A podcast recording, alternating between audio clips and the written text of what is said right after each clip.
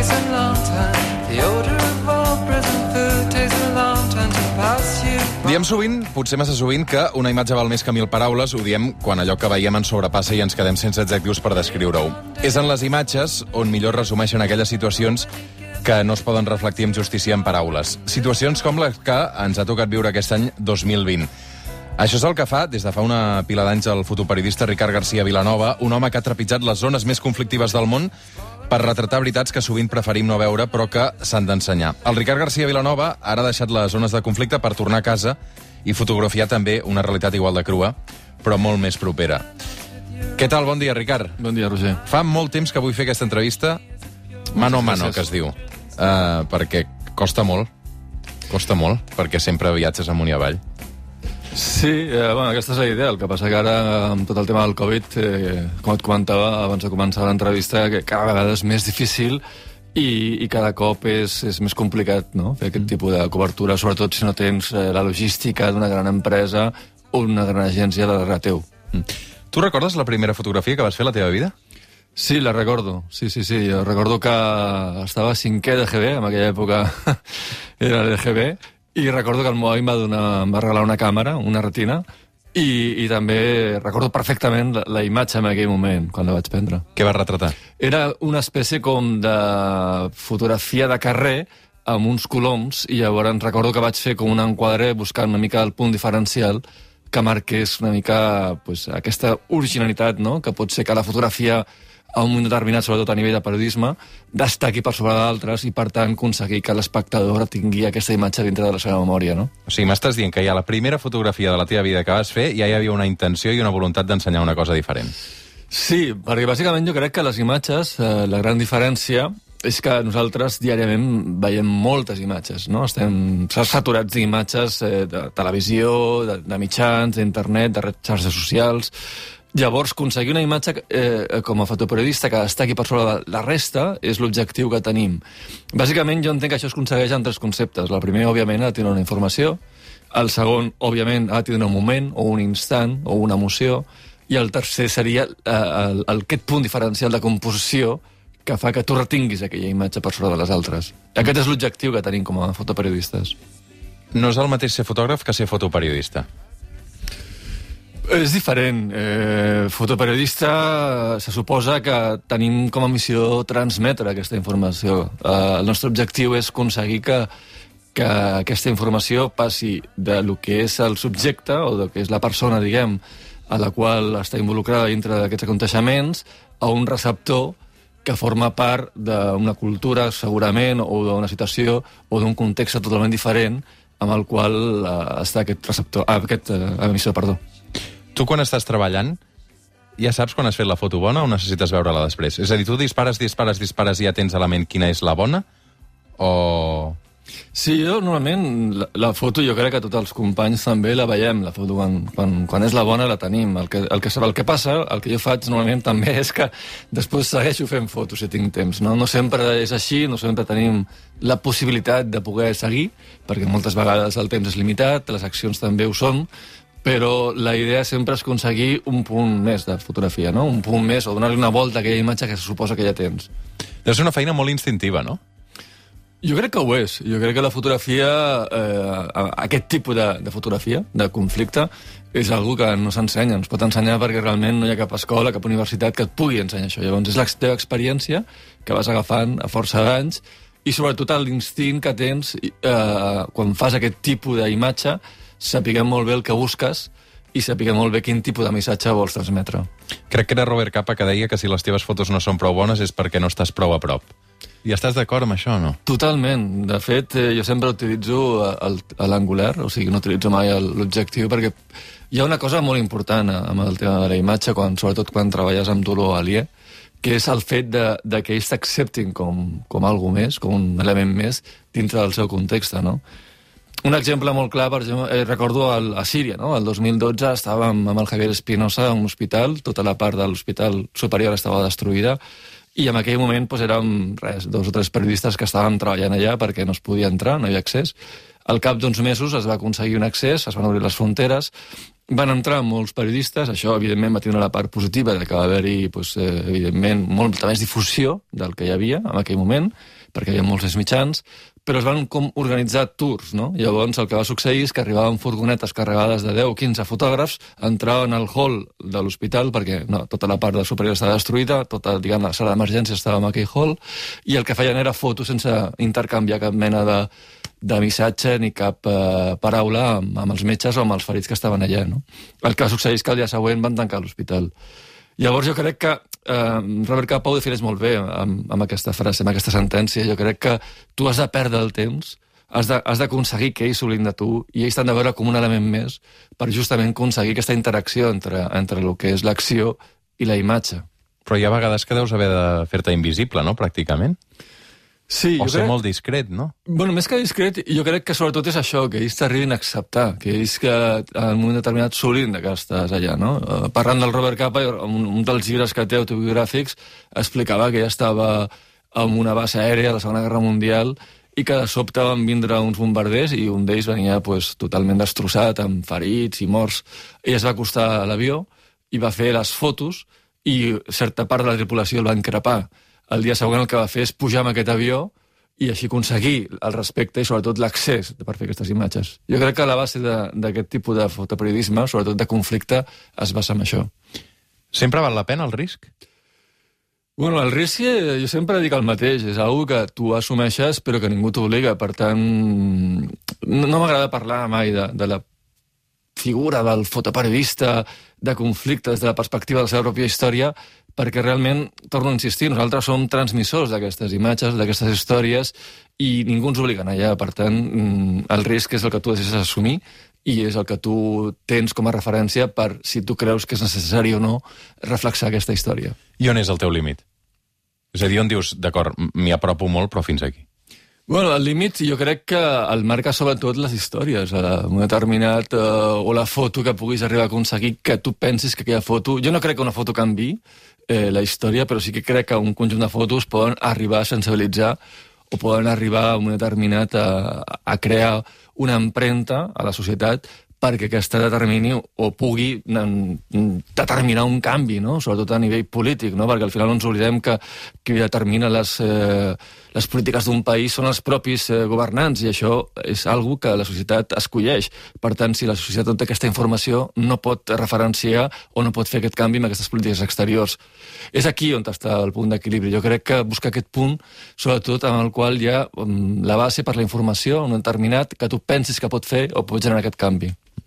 Jo recordo a la universitat un professor fantàstic que vaig tenir a l'Autònoma que es deia Xavier Giró, que crec que era primer, primer de periodisme, eh? que ens va ensenyar un dia, va entrar a classe i va posar una fotografia.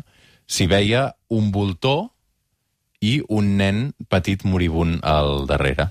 Aleshores, aquí el debat que ens va obrir era, d'acord, eh, aquesta imatge val més que mil paraules, però el debat és... Eh, havia de fer aquesta fotografia el fotògraf o hauria d'haver anat a ajudar aquella persona o intentar evitar que es produís aquella imatge?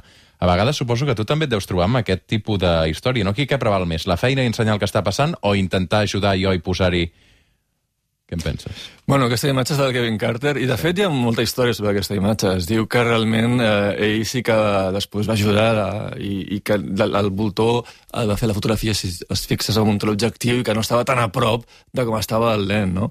Dit això, eh, jo penso que, eh, evidentment, abans de fotoperiodistes, abans de periodistes, són persones.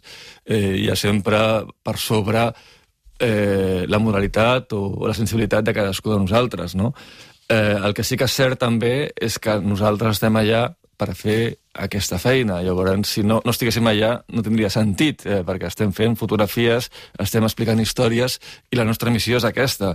Llavors, és buscar l'equilibri. Òbviament, si tu estàs treballant en una zona de conflicte i no hi ha ningú més, ets tu o és la teva responsabilitat, però si tu estàs en un hospital o estàs en una zona de conflicte amb el qual veus que està succeint alguna i que hi ha suficient ajuda, llavors tu has de fer la teva feina. És buscar aquest equilibri. Jo penso que tot això ho determina la teva pròpia moral. Som al suplement, som a Catalunya Ràdio, avui amb el fotoperiodista Ricard García Vilanova. I the face of a stopwatch on the back of a raindrop Clar, hi ha casos paradoxals com, per exemple, una fotografia del Ricard García Vilanova que ha guanyat el tercer premi a la categoria d'actualitat del World Press Photo. Eh, S'hi veu un jove iraquià ferit dins d'un vehicle. Eh, el Ricard és molt a prop de, dels fotografiats. Eh, I et queixes que... Bueno, et queixes no, és a dir, aquesta fotografia no s'ha publicat en lloc, no? Sí, és, bueno, és una de les coses curioses que succeeix. Jo crec que cada cop més hi ha menys interès a, a, per lo que és a, el periodisme internacional i sobretot en contextes en els quals eh, doncs, bueno, queden mm, fora del nostre alcance, per, sobretot per empatia no? I, per, i per proximitat. Eh, jo crec que això defineix bàsicament aquests dos conceptes, l'empatia i la proximitat. O sigui, nosaltres comencem a parlar d'estat islàmic quan ells eh, comencen a matar gent aquí, a, a casa nostra, o comencem a parlar de refugiats quan comencen a arribar a casa nostra. Per tant, eh, les, les protestes d'Iraq, bueno, a nivell geopolític, eh, no tenien cap interès, de fet van passar totalment desapercebudes eh, l'any passat, aquest any encara continuen i encara ho segueixen sent, eh, més encara amb tot el tema del Covid, i aquesta fotografia, com dius, doncs mai va ser publicada, mai va tindre aquest interès informatiu perquè els pics, en aquell moment, el que jo dic, els pics informatius estaven centrats a altres, altres aspectes o altres històries. Mm. Ricard, eh, tu estàs cansat de parlar del teu segrest el 2013 d'estat islàmic? Sis mesos? No, jo no estic cansat, el que passa que sempre és un tema que primer he considerat com un accident laboral, que no mm, és, forma part de la feina, igual que un bomber, igual que, no sé, altres professions tenen els seus riscos, i en segon lloc perquè també he pensat que com t'he dit abans, el, el fet de nosaltres assumir aquests riscos és algo que, que ho fem de forma voluntària.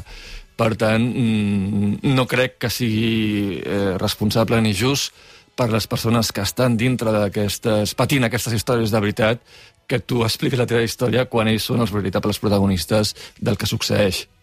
D'acord, però tot i així no és una cosa que es pugui normalitzar. És a dir, mm, entenc que uh, devia ser una cosa molt gruixuda, no? O sigui, entenc que no vulguis posar-te tu al focus i tu fer, ser la notícia, no? però tot i així va ser notícia també per això, no? Sí, el meu passat vaig ser notícia i, i va ser així, però torno a insistir, vull dir, sempre ho he considerat com un accident laboral. Mm. Deu ser complicat també... Uh, puc preguntar-te si tens família?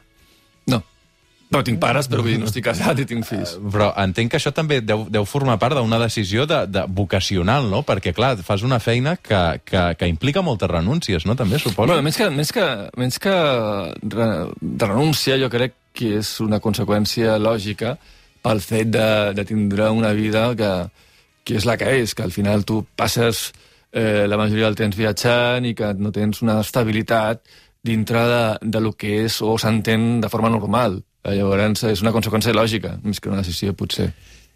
I quan tu tornes a casa, eh, que en el teu cas és Catalunya, eh, després de molts mesos de feina eh, i la guerra que has anat a cobrir o el conflicte que has anat a cobrir no s'ha acabat, eh, però tu eh, allò ho dones per acabat i fas un, un, un reset, què passa? Com et sents quan tornes a casa? No, jo tinc molt normalitzat. Jo penso que després de tants anys, sobretot, és, és algo que ets capaç d'assimilar i ets capaç de, d'assumir, no? no? No hi ha una diferència substancial amb el fet d'estar un lloc o un altre. Simplement, òbviament, són les comoditats que aquí tens, que, que en una zona de conflicte no, no existeixen, com pot ser doncs, l'aigua calenta, un determinat, l'electricitat, eh, la calefacció, coses tan, tan simples que assumim que tothom les té, però que realment eh, la gran majoria del món eh, careix. Mm. Per retratar tragèdies, per això no cal anar a l'altra punta del món, perquè mira, aquesta setmana n'hem vist una grandíssima a Badalona, no? Totalment, totalment. Vull dir, moltes vegades les tragèdies passen aquí a casa i, i, i encara de forma incomprensible, perquè no, no és normal que, que passin aquestes coses, sobretot en un país com el nostre. Mm. Aleshores, uh, per què vas a l'altra punta del món a cobrir la tragèdia? Bueno, perquè realment eh, el que succeeix aquí moltes vegades són excepcions i el que succeeix allà és la norma, és la diferència. O sigui, aquí parlem d'excepcions de, quan succeeixen aquest tipus de tragèdies, i allà és una norma amb la qual pues, de sobte moren pues, 100.000, 200.000, 300.000 persones. I això no està explicat, això no està suficientment eh, difós. És per això que m'interessa més aquella part, sobretot perquè també entenc que de cara informativament eh, penso que la societat, eh, eh, com, bueno, ja, ja de fet, ha la Declaració dels Drets Humans, si no recordo malament, l'article 19, que, que et dona el que és eh, el dret a la informació, no? el dret a la lliure informació. Llavors jo crec que amb aquesta feina, i crec des del punt de vista fotoperiodístic i periodístic, que la societat té el dret a estar informada. Juntament amb, amb altres fotògrafs, el Ricard García Vilanova eh, està treballant en un llibre eh, que es diu Pandèmia, mirades de- de- d'una tragèdia. Eh, recull algunes de les imatges que ens ha deixat aquest coronavirus. Ha retratat el, el Covid-19, no? Sí, això va ser una iniciativa que estem fent amb el Gervasio Sánchez, també amb l'editorial Blume i amb molts sponsors que, bueno, que ens han ajudat a fer aquest llibre i la idea bàsicament és donar tots els diners que surtin de les ventes d'aquest llibre a les famílies de fotògrafs que han mort fent la cobertura del Covid, que hi ha molts. Eh, sobretot centrat a Centroamèrica, Sud-amèrica, que són realment pues, tot el tema sanitari és molt diferent d'aquí i hi ha hagut moltes més víctimes. Què heu vist? Bé, el que em va sorprendre, jo, bueno, de fet, a mi em va agafar tot el tema de, de lo que és el Covid quan tornava de Síria, a finals de març, principis d'abril, i jo recordo un, un paisatge eh, apocalíptic quan vaig tornar, perquè recordo l'aeroport del Prat totalment buit, recordo Barcelona buida, i clar, quan, quan tens aquest tipus de context, normalment ho associes a destrucció, però aquí era diferent, perquè tot semblava estar, però en canvi no existia res, era com la mort invisible. És això el punt, el punt potser eh, més xocant dintre del que jo vaig veure en aquell moment, no? La mort silenciosa, no? Crec que n'has parlat també alguna vegada. Sí, era la mort silenciosa, perquè era algú, un concepte nou, no? És el, és el fet de no tindre aquesta destrucció i no tindre aquest context de conflicte, però en canvi saber que el, les, les dades eren moltes vegades superiors a qualsevol conflicte amb armes convencionals. Has les, entrat les a- dades de pèrdues, em refereixo, les de vides humanes, del cos de vida humana. Has entrat a, a residències, també, crec? Sí, vaig aconseguir entrar a residències, eh, a hospitals, però també he de dir que els, les primeres setmanes eh, va ser molt difícil aconseguir-ho, no ens donaven accés, i penso que ha sigut un gran error, sobretot infantilitzar la població, des de la perspectiva de que no es va donar aquest accés i no es va donar, sobretot, aquesta informació. Ara tenim doncs, actituds negacionistes, ara tenim que molta gent, jo penso que no, encara no, no s'ha sensibilitzat de la imatge. El que no té sentit és que tinguem la crisi més, gran, no? des de la Guerra Civil o des de la Segona Guerra Mundial, i que les imatges de víctimes eh, siguin solament una o dues o tres que s'hagin publicat a nivell nacional. Això no té cap mena de sentit. O sigui, no estic dient que totes les imatges tinguin que basar en imatges positives, eh, però sí que, evidentment, ha d'haver un equilibri entre la informació, i aquest equilibri no ha existit. Mm. Has normalitzat estar en contacte amb la mort, Ricard? No, jo, crec que tot, jo penso que tots ho fem al, al final, no? Jo penso que a mesura que ens fem grans tots anem normalitzant aquest contacte perquè ens donem compte que potser l'hora s'aproxima i que, bueno, que cada vegada estem més a la vora d'això. El que sí que és cert és que per la meva professió potser jo ho he fet abans. I a tu et fa por morir? No realment, a mi el que em fa por és envellir. És una bona notícia, no, envellir, per això? Depèn, eh, perquè envellir significa deixar de fer o deixar d'aconseguir fer coses que en un determinat ara puc fer, com per exemple treballar de, del que estic fent, no? O sigui, si eh, de sobte et plantes amb 65 anys, 70 anys, dubto molt que físicament puguis aconseguir o tinguis la forma física de, de, de, de seguir fent aquesta feina, no? Mm. Em fa la sensació, però, que eh, en el teu cas deu ser molt difícil diferenciar la, la feina de la vida, no? Perquè la teva vida és la feina, no? Segurament, també. També sé disfrutar eh, de, dels punts d'inflexió quan torno a casa. Eh, jo sóc el primer que quan torno aquí vull disfrutar d'una copeta de vi, un japonès... Eh, no, no, hi ha un punt d'equilibri, però que no es trenca mai. Eh, és, jo, jo penso que l'equilibri l'has de buscar en tu mateix, i òbviament si algun dia et canses algun dia pues, penses que ja no ets eh, útil, llavors és, eh, com he dit abans, ningú t'obliga a fer aquest tipus de feina, per tant pots deixar i pots dedicar-te a altres coses. Mm. Ara que parlaves de la feina que heu fet eh, també aquí retratant eh, la Covid, hi ha diferència entre retratar la mort eh, d'una persona a l'Orient Mitjà i, la, i, una, i retratar la mort d'una persona a Catalunya? Per mi no, però sembla que sí, perquè sembla que hi ha una doble moral eh, que no acabo d'entendre. Un exemple molt, molt, molt gràfic. Eh, quan va passar tots els atemptats de Barcelona, jo estava a Síria, estava a Raqqa, a la caiguda, bueno, estaven fent, estaven lluitant contra l'estat islàmic, va, aquelles setmanes van ser pràcticament les últimes, després l'estat islàmic va caure, i recordo que va haver un periodista d'aquí que em va trucar perquè volia escriure una columna al cap d'un parell de dies o tres i em va, em va explicar el que havia passat i em va dir que, bueno, doncs, que havien hagut eh, moltes queixes i, i que havia hagut eh, moltes eh, discussions pel fet de que havien sortit unes imatges publicades de víctimes de la Rambla de Barcelona, les portades de diaris. Eh, això està molt bé, o sigui, jo entenc que hi hagi aquesta sensibilitat, però no entenc que llavors no tinguem la sensibilitat quan hi ha un nen siri que ocupa les mateixes portades i no tenim cap mena d'escrúpol a, a la seva publicació. Per tant, ja en el pla moral, ja en el pla moral, sembla que els morts siguin de segona i de primera, i això no pot existir. I després hi ha una altra cosa molt important, no podem deixar d'informar. I jo penso que hi ha un punt amb el qual eh, la fotografia és morbo, òbviament, però també hi ha un punt amb el qual la fotografia és informació, i això no pot deixar d'existir.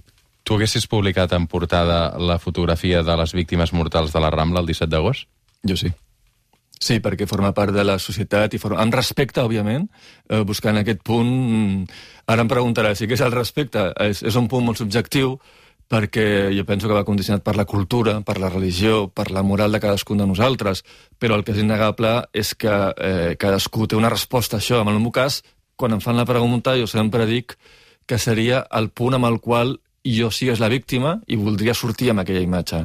Sé que aquest punt és molt subjectiu, perquè pot variar, torno a insistir, o sigui, mm, pot variar molt, però jo penso que aquella, aquelles fotografies eren necessàries per ensenyar el que estava passant.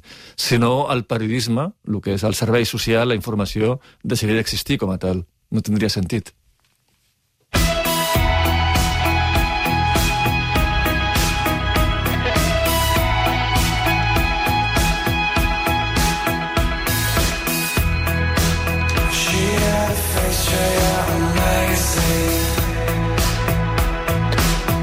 Som al suplement, som a Catalunya Ràdio, estem xerrant intensament amb una conversa, a la veritat, interessantíssima, el Ricard García Vilanova. Quin és el proper viatge, Ricard?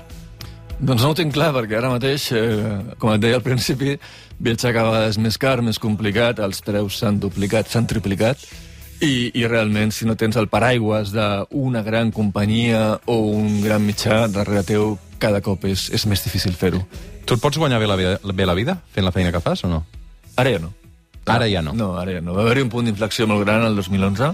Abans, abans d'aquest 2011 sí, però després eh, va haver aquest punt d'inflexió i ara ja, bàsicament, jo ara he vist de, de lo que és el tema de, de, de la imatge de televisió i llavors el que faig és, és pagar-me aquests viatges en televisió per aconseguir fer les imatges. De fet, la foto del Golpes Foto, jo estava treballant per una cadena francesa i va ser això el que em va permetre poder fer aquesta imatge. Si no, no hagués pogut costejar, diguem, el, el cost d'aquell viatge per poder fer aquest reportatge. Mm. Crec que la BBC eh, fa uns anys va permetre que tu et poguessis tornar a reunir amb els que van ser els teus segrestadors, no? Sí, bueno, no, no va ser exactament així, va ser un intercanvi de favors.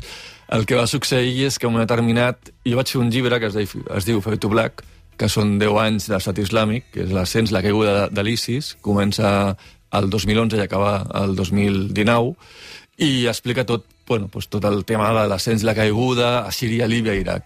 Llavors, l'última foto, bueno, hi havia dues fotos que jo volia per acabar el llibre. Una era la caiguda de Bagús, que la vaig cobrir, òbviament, igual que vaig cobrir doncs, totes les batalles principals de l'estat islàmic, i la segona foto que volia era doncs, eh, doncs, bueno, una, una imatge de presoners de l'estat islàmic. Llavors, a, a través d'un amic de la BBC, que conec fa molts anys perquè ens anem trobant, doncs em va comentar, em va, em va parlar que ells tenien accés a aquests presoners, jo no, perquè òbviament sóc freelance, llavors els contactes són de diferent nivell, i vaig arribar a l'acord que si jo podia fer la foto aquesta, doncs ells em podien entrevistar sense cap problema, i així va ser.